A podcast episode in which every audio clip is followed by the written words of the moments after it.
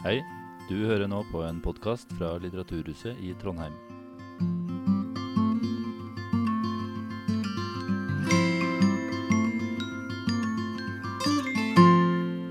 Spørsmålet om hvorfor det er så få kvinner i filosofien, var også et spørsmål Jonathan Wolff stilte i en kronikk i The Guardian i 2013. Og fordi Wolff stiller noen gode spørsmål i denne kronikken som vi skal ta med oss, er dette et fint sted å starte. Wolff skrev denne kronikken etter å ha lest selvbiografien til den britiske filosofen Mary Warnock, som også studerte i Oxford på 1940-tallet sammen med kvartetten. Uh, Wolf observerer at man sjelden har hørt om en så ekstraordinær kohort med kvinnelige filosofer, og spør hvordan det kunne være mulig. Uh, han observerer også at alle begynte å studere rett før andre verdenskrig brøt ut, og lurer på om dette kan være noe som har sammenheng med hverandre. Kunne det ha seg slik, spør han, at disse kvinnene fikk mulighet til å utvikle sine akademiske talenter nettopp fordi fraværet av menn gjorde at de kunne ta plass i undervisningssammenheng og få den oppmerksomheten de fortjente? Med andre ord, hvor viktig var timingen egentlig her? Eh, ville disse filosofene fremdeles ha klart å komme seg opp og frem i et mannsdominert fag hvis de hadde blitt født ti år tidligere eller ti år senere? Uh, og Wolf han fikk svar på spørsmålet sitt direkte fra en av hovedpersonene i et innlegg Midgley skrev i samme avis to dager senere. For Midgley er det ingen tvil. Grunnen til at alle disse kvinnene hadde vellykkede filosofikarrierer, handlet helt klart om at det var færre menn til stede, slår hun fast. Hun utbroderer dette i selvbiografien sin. Der skriver hun at fraværet av menn gjorde det lettere for kvinner å bli hørt enn det ellers ville ha vært. Sheer loudness of voice has a lot to do with the difficulty. But there is also a temperamental difference about confidence, about the amount of work that one thinks is needed to make one's opinion worth hearing. Uh, dette er et sitat som har blitt sittende med meg uh, fordi jeg synes det er, uh, står seg som en beskrivelse av hvordan det er å være kvinne i akademia. Eh, I alle fall hvordan jeg opplever det. Eh, og I tillegg så mente Midgley at noe av utfordringen handler om en bestemt filosofisk stil som man gjerne finner hos mannlige filosofer. Eh, hvor man er mer opptatt av å knuse opponenten med argumenter enn å prøve å forstå hva som faktisk blir sagt. Om seg selv og venninnene sine eh, skriver hun at de var mer interessert i å forstå hverandre enn å vinne over hverandre. Og nettopp det, det, var det, var, det, var det som gjorde dem i stand til å utvikle alternativer til den rådende filosofien, eh, noe vi skal komme litt tilbake til senere. Eh, da jeg leste Midgetleys biografi, ble jeg for første gang klar over vennskapet mellom henne og de tre andre. Og etterpå ville jeg lese alt som er skrevet om dem. Eh, jeg oppdaget at det fantes to pågående bokprosjekter Uh, disse to bøkene ble utgitt med få måneders mellomrom på tampen av fjoråret og tidligere år. Uh, The Women Are Up to Something og Metaphysical Animals. Uh, og jeg anbefaler alle som vil lære mer om disse filosofene, å lese de bøkene. det jeg skal forsøke å gjøre her i dag, det er tre ting. For det første så vil jeg si noe om hvem disse kvinnene var, og om omstendighetene som Midgley mente var så avgjørende for at de ble filosofer. Eh, for det andre så vil jeg forsøke å si noe om ideene de gjorde opprør mot, eh, og hva slags alternativer de fremmet selv. Og til sist eh, så vil jeg forsøke å si noe om hva vi kan lære av denne historien med tanke på inkludering av kvinner i dag. Så vi starter med studietiden i Oxford. Anscombe, Foot, Midgley og Murdoch de ble alle født i tidsrommet 1919 til 1920. Murdoch, Midgley og Anscombe de begynte på Oxford i 1938. Og her ser vi et klassebilde av Midgley og Murdoch, eh, som studerte ved samme college. Eh, der har vi Murdoch, eh, og her har vi Midgley. Og Foot hun kom til Oxford da året etterpå. Eh, og det man må huske på er at Dette var en tid hvor kvinner ikke akkurat ble oppfordret til å søke høyere utdanning. Hvordan skulle det på, påvirke utsikten om ekteskap osv.? Uh, og da Fots mor fortvilte over at datteren skulle begynne å studere, ble hun betrygget av venninnene sine. Ta det med ro. Hun ser i hvert fall ikke smart ut. Fordi det var så nytt at kvinner fikk lov til å ta en gradsutdanning ved Oxford, det ble faktisk først mulig i 1920, var det fremdeles en viss spenning og usikkerhet knyttet til kvinnenes rolle ved universitetet. I selvbiografien beskriver Midgley dagen hun ble immatrikulert, og hvordan hun og hennes kvinnelige medstudenter ble ønsket velkommen med advarselen om at «the women are still on probation at this university». Innføring av gradsutdanning eh, betydde for kvinner det betydde derimot ikke at konkurransevilkårene var like. For det første så var det plass til langt færre kvinner enn menn. Eh, så konkurransen om å komme inn var mye hardere. Eh, og for det andre så hadde mennene hatt tilgang på bedre og mer anerkjente forberedende skoler. Så de var bedre skolert i klassiske språk, som gresk og latin. Eh, noe som var viktig både for å komme seg inn på universitetet og for å klare å følge med undervisningen. Eh, og resultatet var at kvinnene måtte jobbe ekstra hardt for å ta igjen forspranget. Midgley beskriver hvordan hun og Murdoch måtte ha ekstraundervisning i gresk for å kunne henge med. Og det var slik de to først ble kjent. Her ser vi også Murdoch i et seminar. og Foot hun forberedte seg et helt år før studiestart med privatlærer og korrespondansekurs i latin.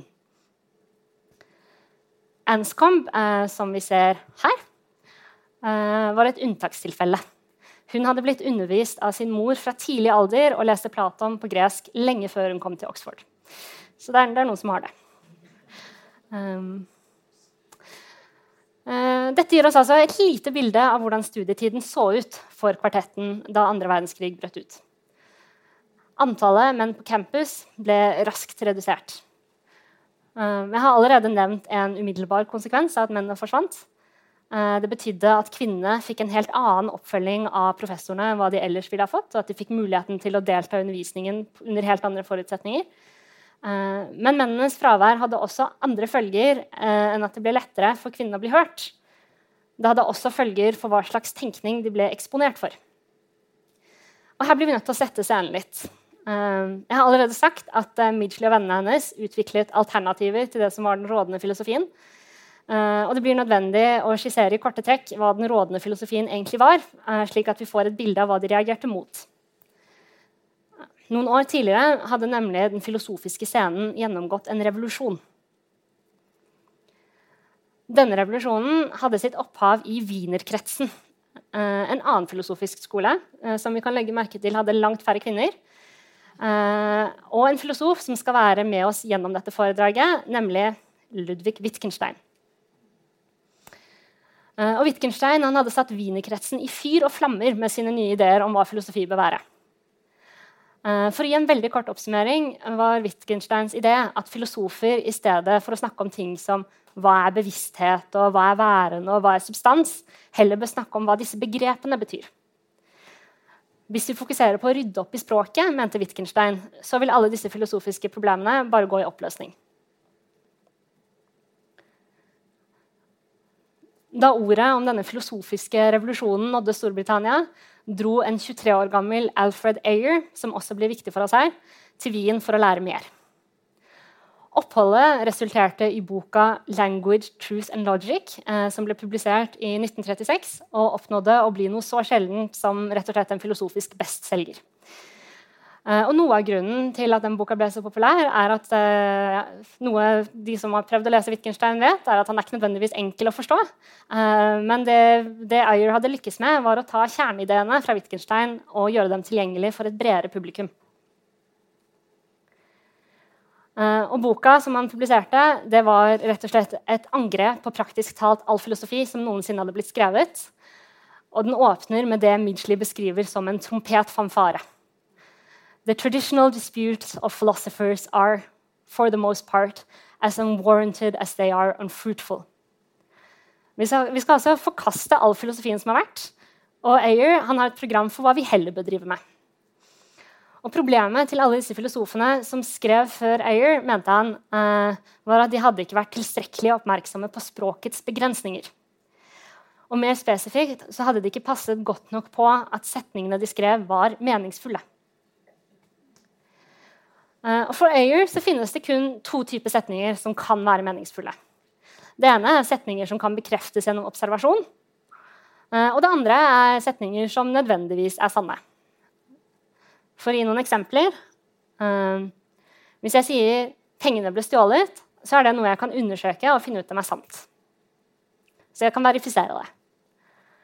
Uh, hvis jeg derimot sier i stater med forbud mot brudd på eiendomsretten er det forbudt å stjele, så er jo det noe som nødvendigvis er sant. Uh, hvis ikke så hadde det ikke vært brudd mot, på eiendomsretten. Hvis ikke så hadde det vært et forbud i den staten.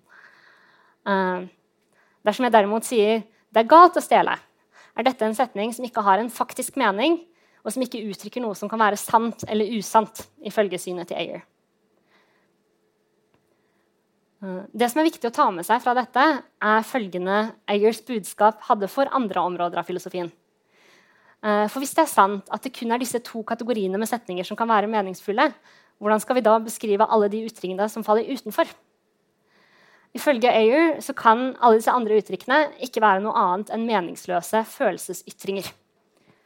Og Ifølge denne måten å tenke på så må vi da skille mellom fakta på den ene siden, som vi kan si meningsfulle ting om, og verdier på den andre siden, som er kun våre subjektive følelser som vi projiserer på virkeligheten.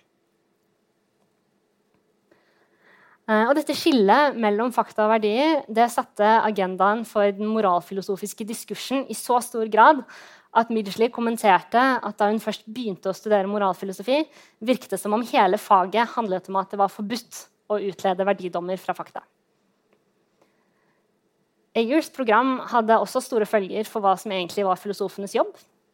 Uh, filosofen var ikke lenger en metafysiker, men mer som en matematisk eller en naturvitenskapelig forsker.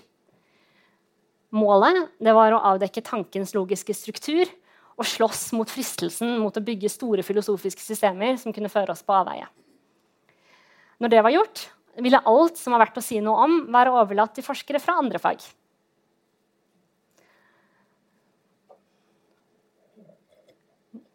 Eh, det var altså Ayers sin måte å drive filosofi på som var på vei opp og frem på den tiden da kvartettmedlemmene studerte. Eh, men da krigen brøt ut, reiste Ayer vekk fra Oxford for å tjenestegjøre i Hæren. Eh, og mens han var borte, så fikk kvartetten tilgang på en undervisning som allerede var i ferd med å bli umoderne. Et viktig eksempel på denne undervisningen er filosofen Donald McKinnon, som ble igjen for å undervise i Oxford. Uh, McKinnon var opptatt av filosofihistorie og fikk studentene sine til å lese tenkere som Platon og Aristoteles. Og de diskuterte metafysikk og andre deler av filosofien som Ayer bare ville fnyst av. Uh, innflytelsen han hadde på dem, var avgjørende. Foot hun beskriver han som en av sine aller viktigste inspirasjonskilder. Og Murdoch hun beskriver betydningen han hadde for henne i følgende setning. I had almost given up thinking of people and actions in terms of value. Meeting him has made it a significant way of thinking again. Uh, så hvis vi forsøker fremdeles å svare på dette spørsmålet om hva som gjorde det mulig for kvartetten å utvikle sine ideer, kan vi også føye til en knagg ved siden av fraværet av menn, uh, nemlig undervisningen de fikk tilgang på, som viste dem at det fantes andre måter å drive filosofi på enn den som Ayer forsvarte. Eh, da krigen var over, kom mennene tilbake, og de var klare til å fortsette der de slapp. Og Det er på dette tidspunktet at Ayers bok når sitt fulle sprengkraftpotensial og skaper bølger i filosofimiljøet. Eh, og I et slikt landskap så hadde moralfilosofi ganske dårlige kår. Eh, det var likevel ett unntak, nemlig Richard Heer, som vi også bør si noe om, fordi han blir en av kvartettens fremste meningsmotstandere. Eh, og Heers bidrag var å utvikle en moralfilosofi innenfor Ayers rammeverk. Vi kan kanskje leve relativt normalt selv om metafysikken er forvist til å størke støv på bibliotekene, og selv om vi ikke skal snakke om Gud og meningen med livet. Men vi må fremdeles si noe om den åpenbart essensielle rollen til setninger som sier noe om hva som er rett og galt. Så Hvis noen sier til oss f.eks.: eh, 'ikke stjel penger, for det er galt', så svarer vi ikke sånn som Ayer kanskje på en måte er tvunget til å svare. Jeg forstår ikke hva du mener. Den setningen du sier nå, er meningsløs. Det er jo ikke sånn vi kommuniserer. Uh, så Hairs forslag det var å forsøke å analysere moralske dommer som kommandoer. Uh, så når jeg feller en verdidom over noe du gjør, mente han, uh, så, er det jeg egentlig gjør, å komme med en anbefaling til hva du bør eller ikke bør gjøre. Så for eksempel, Hvis jeg sier det er bra å gå på ski, så har jeg kommet med en oppfordring om at du bør gå på ski. Uh, og det som også kjennetegner slike moralske dommer, er at de er universaliserbare. Dvs. Si at de gjelder for alle på tvers av alle kontekster. Så hvis jeg sier å gå på ski er en moralsk god aktivitet, så mener jeg at alle alltid bør gå på ski. I hvert fall så frem til jeg fører. Um, og det både Here og Ayer er enige om, er at når jeg sier disse tingene om skigåing, så er ikke det basert på noen moralsk lov eller på noen moralske fakta. Uh, det er bare en formell struktur ved moralske anbefalinger. Det er det eneste vi har sagt noe om. Altså, vi har kanskje en all allmennmoral. Uh, og når vi oppdrar barn, så lærer vi dem en sosial kode for hvordan de bør oppføre seg. Uh, men i bunn og grunn så er det opp til hver enkelt av oss å velge de anbefalingene vi ønsker å leve etter selv. Ayers skille mellom fakta og verdier på den ene siden og Kears forståelse av hvordan moralsk tenkning ser ut på den andre siden, gir et sånt veldig grovt, eh, men likevel beskrivende bilde av den filosofiske teksten som kvartetten vår gjør motstand mot. Uh, og når vi nå skal gå videre for å prøve å si noe mer om hva de har til felles, så dukker dette spørsmålet om hvorvidt vi kan forstå dem som en filosofisk skole, opp igjen. Eh, for når man tenker på hvordan disse filosofene har blitt mottatt i filosofihistorien, så er det ikke åpenbart at de har så veldig mye til felles. Uh, Anscombe hun er kanskje mest kjent for sin forbindelse til Wittgenstein. Hun oversatte Traktatus til engelsk uh, for å være en hardnakket uh, katolikk. Uh, Murdoch hun ble aller mest kjent som forfatter. Hun skrev veldig mange romaner. Uh, og i den grad hun har fått oppmerksomhet som filosof, i det hele tatt, så er det i aller størst grad for hennes arbeider om Platon. Uh, Midgley hun er kjent for bøkene sine om vitenskapsfilosofi og dyreetikk. Uh, og for en veldig offentlig debatt hvor hun kritiserte evolusjonsteoretikeren Richard Dawkins. Og så har vi Foot, som riktignok ofte blir nevnt i forbindelse med at dydsetikken kom tilbake på moten som etisk teori. Eh, men hun er kanskje aller mest kjent for sporvognsproblemet. Eh, som veldig mange studenter har møtt på X-FIL og lignende fag. Altså, skal, man, eh, skal, skal, man, drepe den ene eller de fem stakkarene? Altså, dere vet. Ja. ja.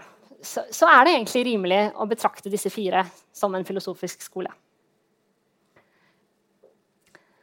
da Midgley noen år før sin død selv kommenterte dette spørsmålet, svarte hun we did not at once become a four-headed unanimous squad of prophets.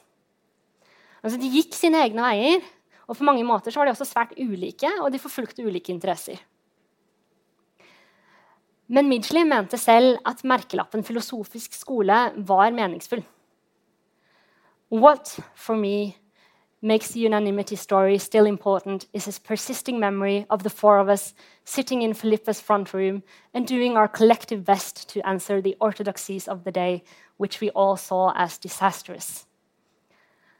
As with many philosophical schools, the starting point was a joint no. No, that is, at once to divorcing facts from values, and, after a bit more preparation, also no to splitting mind off from matter. Og Murdoch hun har en lignende formulering som på en måte underbygger det bildet her. Uh, I et intervju ble hun spurt om hun var enig i Anscombe og Foots moralfilosofi. Uh, og hun svarte at på tross av de ulikhetene som fantes mellom dem, var det som forente dem, at de gjorde motstand mot Hairs idé om mennesket som kongen over universet.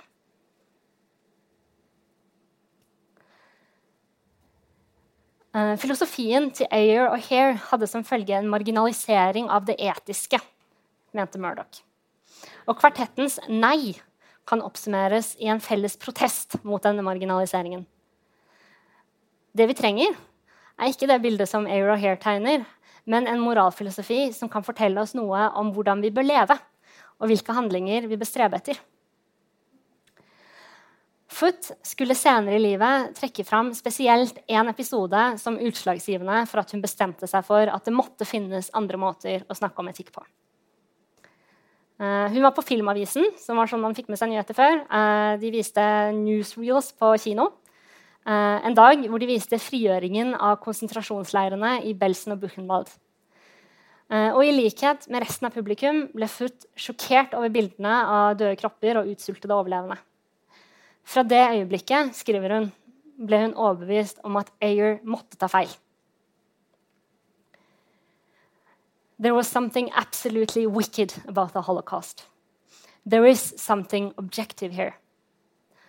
Med andre ord eh, Hvordan kan man se noe så forferdelig utspille seg, og samtidig mene at moral bare er et uttrykk for subjektive følelser, og at vi ikke kan si om nazistene at de tar feil? Enscoms engasjement for etikk det ble eh, fremprovosert på en lignende måte eh, av det hun mente var fagfilosofenes inadekvate respons på verdens grusomhet. mer spesifikt kom denne protesten til uttrykk i 1956, da den tidligere amerikanske presidenten Harry Truman ble nominert til en æresgrad fra Oxford. Eh, men Truman har, som noen av dere kanskje vet, eh, han var den som ga ordren om at atombommene skulle slippes over Hiroshima og Nagasaki. Eh, og for Anscombe så var denne handlingen helt uforenlig med at han skulle nomineres til å få en sånn æresgrad. Så hun bestemte seg for å legge inn en formell protest mot nominasjonen. For dette mente hun det gikk ikke. Forslaget ble nedstemt. Anscombe skriver at uh, det ble spredt en beskjed blant de stemmerettigede om at «the women are up to something. We have to go vote them down». Så Man visste ikke helt hva det handlet om, men man skulle i hvert fall ikke sørge for at kvinnene vant denne avstemningen. Uh, og det Anscombe reagerer på, det er at hun ser en direkte kobling mellom det at man kan komme på å gi en mann som Truman en æresgrad, og det som var den rådende moralfilosofien i Oxford, for den innebærer at vi ikke kan si om enkelte handlinger at de er gale. Ja, her ser vi altså Truman motta æresgraden sin mot uh, ønske. Uh, så langt har vi sett at det som forener medlemmene av kvartetten, er overbevisningen de deler om at det er et eller annet grunnleggende galt med de moderne filosofiske oppfatningene. Men hva slags alternativ satte de opp mot dette synet? Uh, og når Midgley svarer på dette spørsmålet, så trekker hun frem Wittgenstein igjen. Uh, som hun, uh, Foot og Murdoch først og fremst ble eksponert for via Anscombe, som var en av få kvinner som Wittgenstein respekterte og slapp inn i sin indre krets. Wittgenstein har vi allerede møtt i dette foredraget, da som inspirasjonskilde for Ayer. så her blir det viktig å presisere at når kvartettmedlemmene forholder seg til Wittgenstein, så er det helt andre ideer enn de vi allerede har møtt. Eh, det er ofte vanlig å snakke om den tidlige Wittgenstein og den sene Wittgenstein. Og den tidlige Wittgenstein det var også den Wittgensteinen som inspirerte Ayer og den filosofien vi allerede har sett. Eh, men Wittgenstein tok en senere en helomvending og forkastet alle sine tidligere ideer. som han mente var feil. Eh, og I stedet for å se på språk som abstrakt symbolisme begynte han å tenke på språk som et verktøy som vi bruker for å avbilde verden og for å si noe om verden. Eh, og det betyr at det er ikke lenger nok å studere språkets struktur, sånn som jeg hadde ment var tilstrekkelig tidligere. Eh, vi må prøve å si noe om måten vi bruker og lever med språket på. Eh, og det var disse ideene som fanget oppmerksomheten til kvartetten. Anscombe hadde tilgang på Wittgensteins upubliserte manuskripter, som de leste sammen. Uh, og Midgley hun trekker fram spesielt et sitat eh, som hun mener viser hva innflytelsen hans på dems filosofi besto i. Ja, Ludvig Wittgenstein nummer to. Um, men jeg har ikke fått mitt bilde av verden fordi jeg har overbevist meg selv om at det må være rett. Og heller ikke fordi jeg er overbevist om at det er rett. Derimot er det den nedarvede bakgrunnen som jeg skiller mellom sant og usant på bakgrunn av. Et annet begrep Wittgenstein bruker for å beskrive denne nedarvede bakgrunnen, er verdensbildet. Altså et bilde som er delt av medlemmene i et samfunn. Og Begrepet bilde står sentralt i Wittgensteins tenkning. Og når vi snakker om bilder, så snakker vi egentlig om ulike ting, ikke bare fysiske bilder. Eh, vi kan snakke om ideer, metaforer, begreper og symboler. Eh, og Poenget hans eh, er at slike bilder er sentrale i hvordan vi strukturerer tenkningen vår. Det er faktisk sånn at de er utgangspunktet for tenkningen vår, disse bildene. Um, som et konkret eksempel på hva dette vil si i praksis, viser Midgley til hvordan det informerte hennes egen tilnærming til evolusjonsteori, som var et tema hun skrev mye om. Uh, I hennes første og kanskje mest innflytelsesrike verk, 'Beast and Man', setter hun spørsmålstegn ved at filosofer som skriver om dyr, tradisjonelt har rettet søkelyset mot hva som skiller oss fra dyrene. Eh, så la oss prøve å angripe dette temaet ved å bruke Wittgensteins idé eh, om hvordan bilder strukturerer tankene våre. For hvis vi setter mennesket opp mot dyr, så er dette i seg selv et bilde som legger føringer for hva slags forståelse av begge som er mulig. Vi fokuserer på ulikhet, vi fokuserer på ulike egenskaper, ulike liv osv. Så, videre. så dette er et bilde vi kan bruke til å tenke om forholdet mellom mennesker og dyr på. Men vi kan jo også snakke om hva vi egentlig har til felles med dyrene.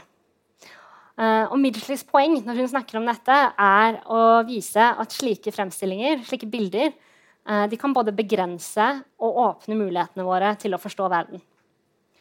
Uh, og i den boka, så, og i mye av tenkningen hennes ellers, så forsøker hun å sette et nytt bilde opp mot det gamle og vise oss hvordan dette nye bildet kan få oss til å forstå dette fenomenet på en ny måte.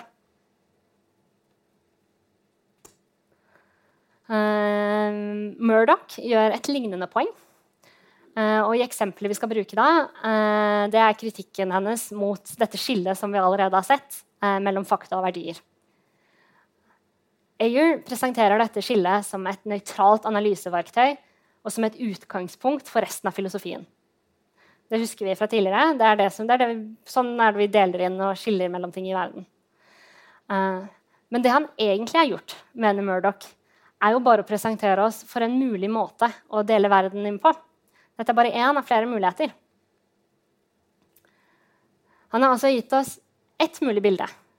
Eh, men vi er ikke nødt til å akseptere det, og faktisk så har vi ganske gode grunner til å avvise det.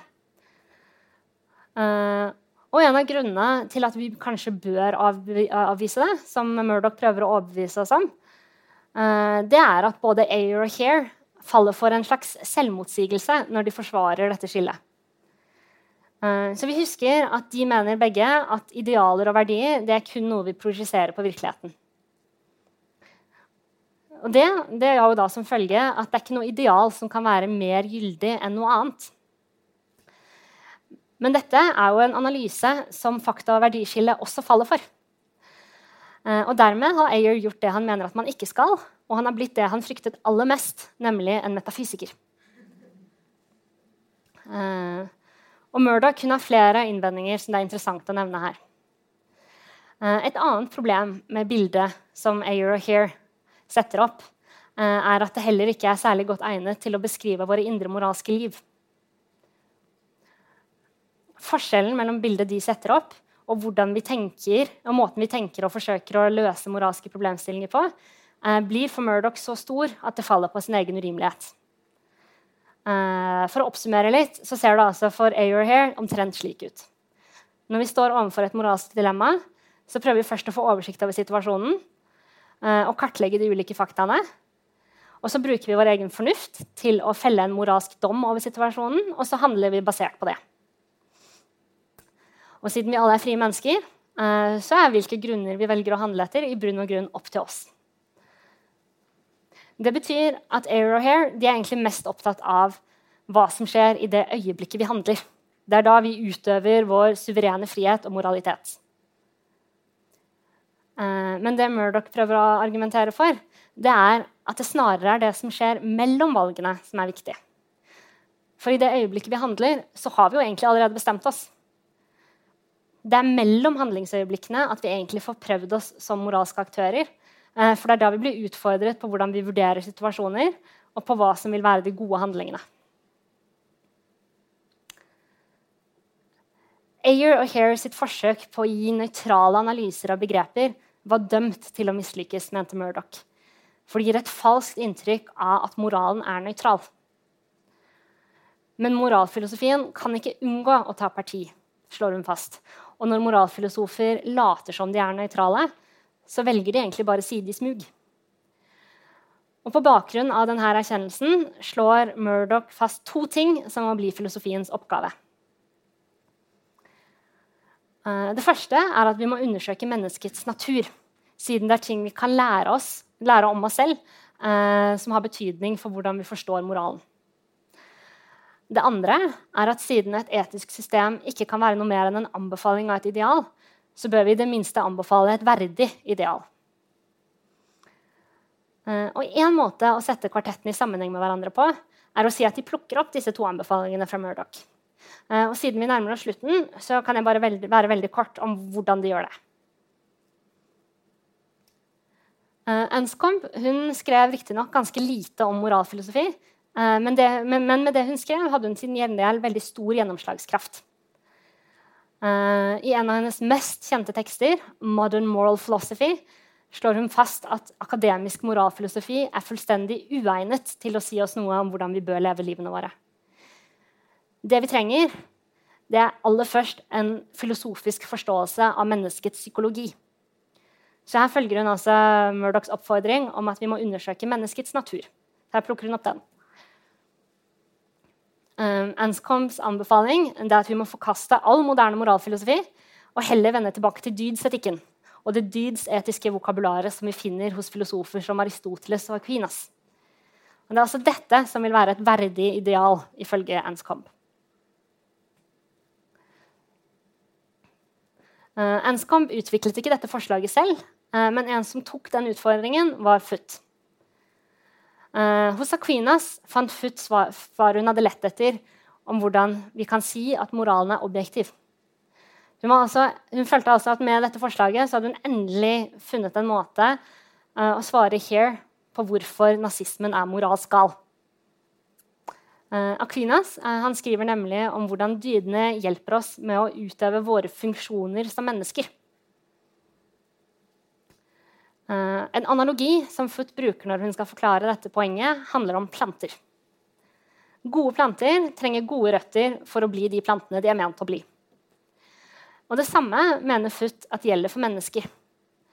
Uh, for så finnes det mange situasjoner i livet hvor vi trenger egenskaper som mot eller raushet hvis vi skal fungere godt.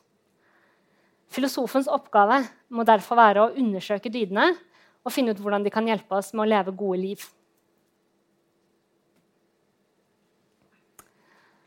Uh, vi avslutter denne tråden tilbake hos Midgley. Uh, ja. Når filosofihistorikere har kommentert forbindelsen mellom Anscob, Murdoch og Foot, så er Midgley en filosof som ofte har blitt oversett. Uh, og det handler i hvert fall delvis om at hun begynte å publisere filosofi mye senere enn alle de andre. Uh, hun var 59 år da hun utga sin første bok. Og på det tidspunktet hvor hun da publiserer den boka vi allerede har sett, 'Beast and Man', Eh, da hadde Anscombe publisert eh, det viktigste hun skulle ut i av skriftene sine. Eh, Foot hun hadde allerede etablert seg som en av de viktigste meningsmotstanderne til Hair. Og Murdoch hun var egentlig på vei ut av akademia og hadde sluttet litt med filosofi. Og det er på dette tidspunktet hvor Midgley begynner. Um, vi har sett at både Anscombe, Foot og Murdoch argumenterer for at vi må ta utgangspunkt i menneskets natur og et dydsetisk vokabular. Uh, men Midgley tar denne oppfordringen om å undersøke menneskets natur lenger enn de tre andre. Eh, hun var den eneste av de fire som også hadde kunnskap om biologi. Eh, hun var veldig interessert i det fagfeltet. Og hun ble overbevist om at hvis vi skal forstå mennesket, så må vi også lære av andre fagområder. Så i likhet med Anscombe og Foot vender Midgley seg til Aristoteles eh, som også eh, nærmet seg etiske spørsmål som en slags biolog som studerer eh, dyrenes atferd. Uh, Midgeleys budskap uh, om, at tenk, om, at vi må tenke på hvordan vi er like dyrene, som vi husker fra i stad, er også uh, ganske, egentlig ganske bokstavelig ment. vi er faktisk dyr. Og hvis vi vil forstå våre liv, så må vi også forstå vår natur.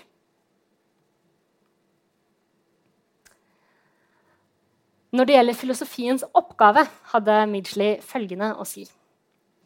Filosofen er som en rørlegger, mente hun. På samme måte som rørlegging har tankene våre underliggende strukturer som vi ikke legger merke til før det virkelig går galt. Og akkurat som rørleggere spesialiserer seg i å vedlikeholde røranlegget, eh, er jobben til filosofer å vedlikeholde og utvikle tankemønstrene våre. Med andre ord de bildene vi bruker til å tenke med.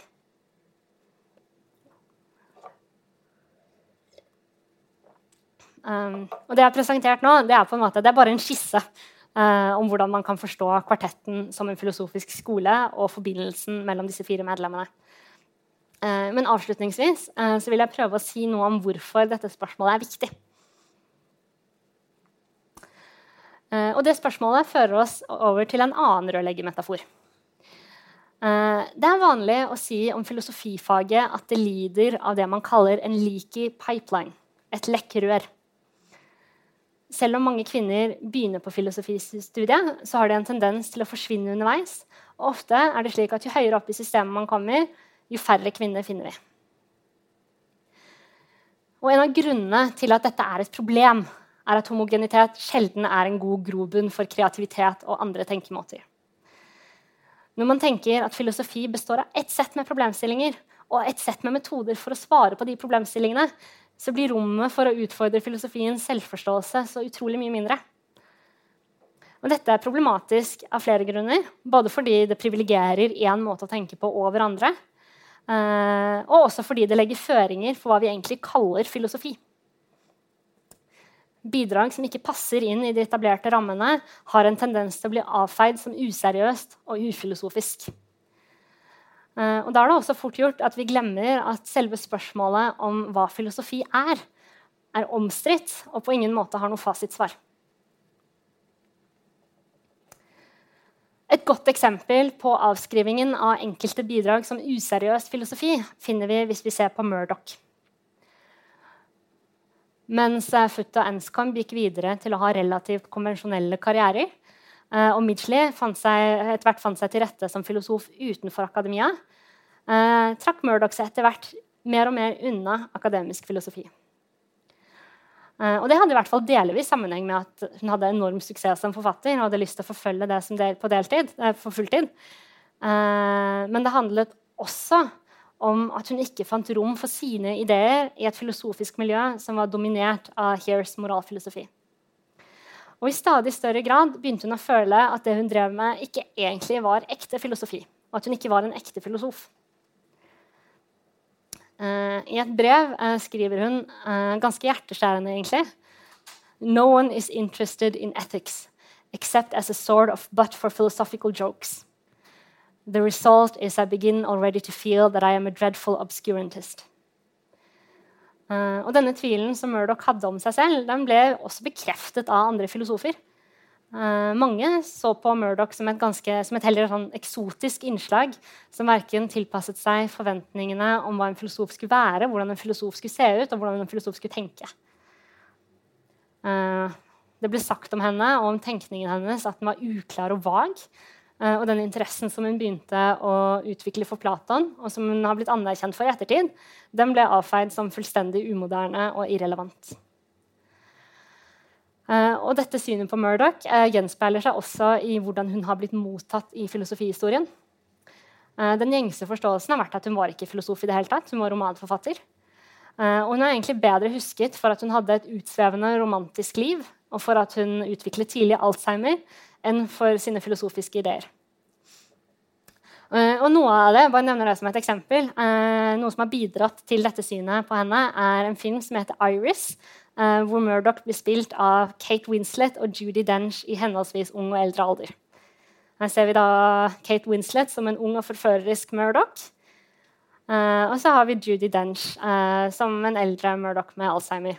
jeg vet ikke om jeg vil anbefale det, det, det, er en god film om Alzheimer, men det er, men det, men det er en dårlig film om Murdoch. og Judy Dench er alltid fabelaktig. ja. Uh, men denne historien om Murdoch uh, den er i ferd med å skrives om. Uh, de siste årene har sett en stor vekst av filosofifaglig litteratur som forholder seg til tenkningen hennes.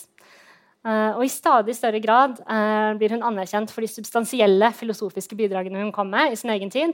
Og det dukker også opp flere og flere eksempler på filosofer som forholder seg til og bruker ideene hennes. så hun har en egen review som blir utgitt av en egen Iris Murdoch Society. Det kommer stadig flere bøker om henne. Og så har jeg også tatt med en bok som ble skrevet på norsk om henne for, for, to år siden av Elin Svenneby. Som nok er den som har gjort mest for å snakke om Iris Murdoch i norsk sammenheng. Det kommet, snart kommer det en egen Iris Murdoch-bokserie som er utgitt på forlaget Palgrave. Og For bare et par dager siden fikk Iris Murdoch sin egen artikkel på Stanford Encyclopedia of Philosophy, som er liksom viktigste ressursen, leksikonressursen for filosofer. Uh, det var på tide. Og I denne historien om Murdoch eh, ligger også svaret mener jeg, på hvorfor en fremstilling av kvartetten som en filosofisk skole er verdifull. For at en filosof eller for at en gruppe filosofer skal bli anerkjent som en del av filosofi, For at en filosof eller en gruppe filosofer skal finnes som en del av filosofihistorien, så må vi anerkjenne dem som en del av filosofihistorien. Så når vi sier om Murdoch eller om Krigstidskvartetten at dette er en filosof, og dette er en filosofisk skole, så betyr det at vi tar dem på alvor som en del av fagtradisjonen vår, og som en del av det vi forholder oss til når vi snakker om filosofi. Uh, og Et poeng som jeg gjerne vil avslutte med, er at det har en betydning hvilke historier vi søker å revidere. Det har en betydning at vi går gjennom vår egen historiefordeling og reviderer den. Og Et bilde av en filosofisk, kvinnelig filosofisk skole har noe å si fordi det utvider rommet for hva slags personer og hva slags ideer man klarer å se for seg at faget har rom for. Takk for meg.